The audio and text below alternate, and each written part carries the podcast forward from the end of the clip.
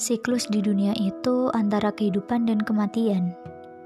Kabar tentang kelahiran seorang anak selalu sampai di telinga kita, dan bukan dunia namanya jika ada kelahiran tanpa disertai kabar berupa kematian. Hampir setiap hari, telinga kita mendengar kabar duka dari teman, kerabat, ataupun orang lain yang mungkin pernah terlintas sejenak di pendengaran kita. Itu artinya Mati tidak menunggu tua, dan mati tidak menunggumu sakit pula. Ada yang masih sempat membuat status di Instagram, berkumpul dengan teman-teman, bahkan masih terlihat baik-baik saja seakan masih ada hari esok yang bisa ia jalani.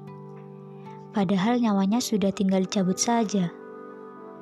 Ada yang masih muda, ada yang baru lahir, ada pula lansia. Sungguh, kita tidak tahu kapan giliran kita. Namun, hidup ini juga berada di antara kenikmatan dan kesempatan. Nikmatnya adalah saat menjadi manusia pilihan untuk merasakan perjalanan hidup di dunia, dan kesempatan untuk membuktikan bahwa Allah tidak salah memilih manusia untuk diberikan kehidupan. Dan sekarang giliran kita bagaimana kita bisa memaksimalkan rasa syukur kita dengan mengambil bagian untuk berperan dalam perubahan. Tiap-tiap yang bernyawa tentu tidak diciptakan begitu saja, pasti dengan sebuah tujuan. Kita dipilih Allah untuk lahir ke dunia ini untuk merajut cerita dalam lembaran-lembaran hidup kita dengan makna, cinta, dan sukacita. Tak tahu diri namanya, jika kita hidup seenaknya, tak mau diatur, tak ingin ditegur. Lantas, di mana letak rasa terima kasihmu itu? Rasa syukur atas kehidupanmu. Kamu pasti tahu bahwa semua hal di dunia ini akan dimintai pertanggungjawaban.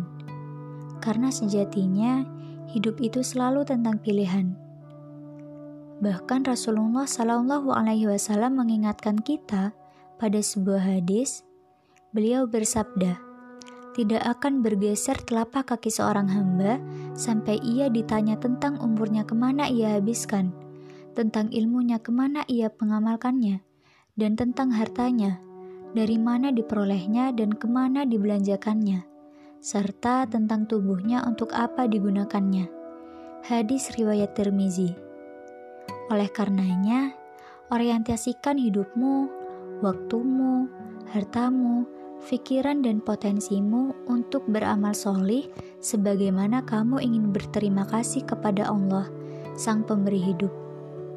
Dan gunakan sebagiannya lagi untuk urusan duniamu.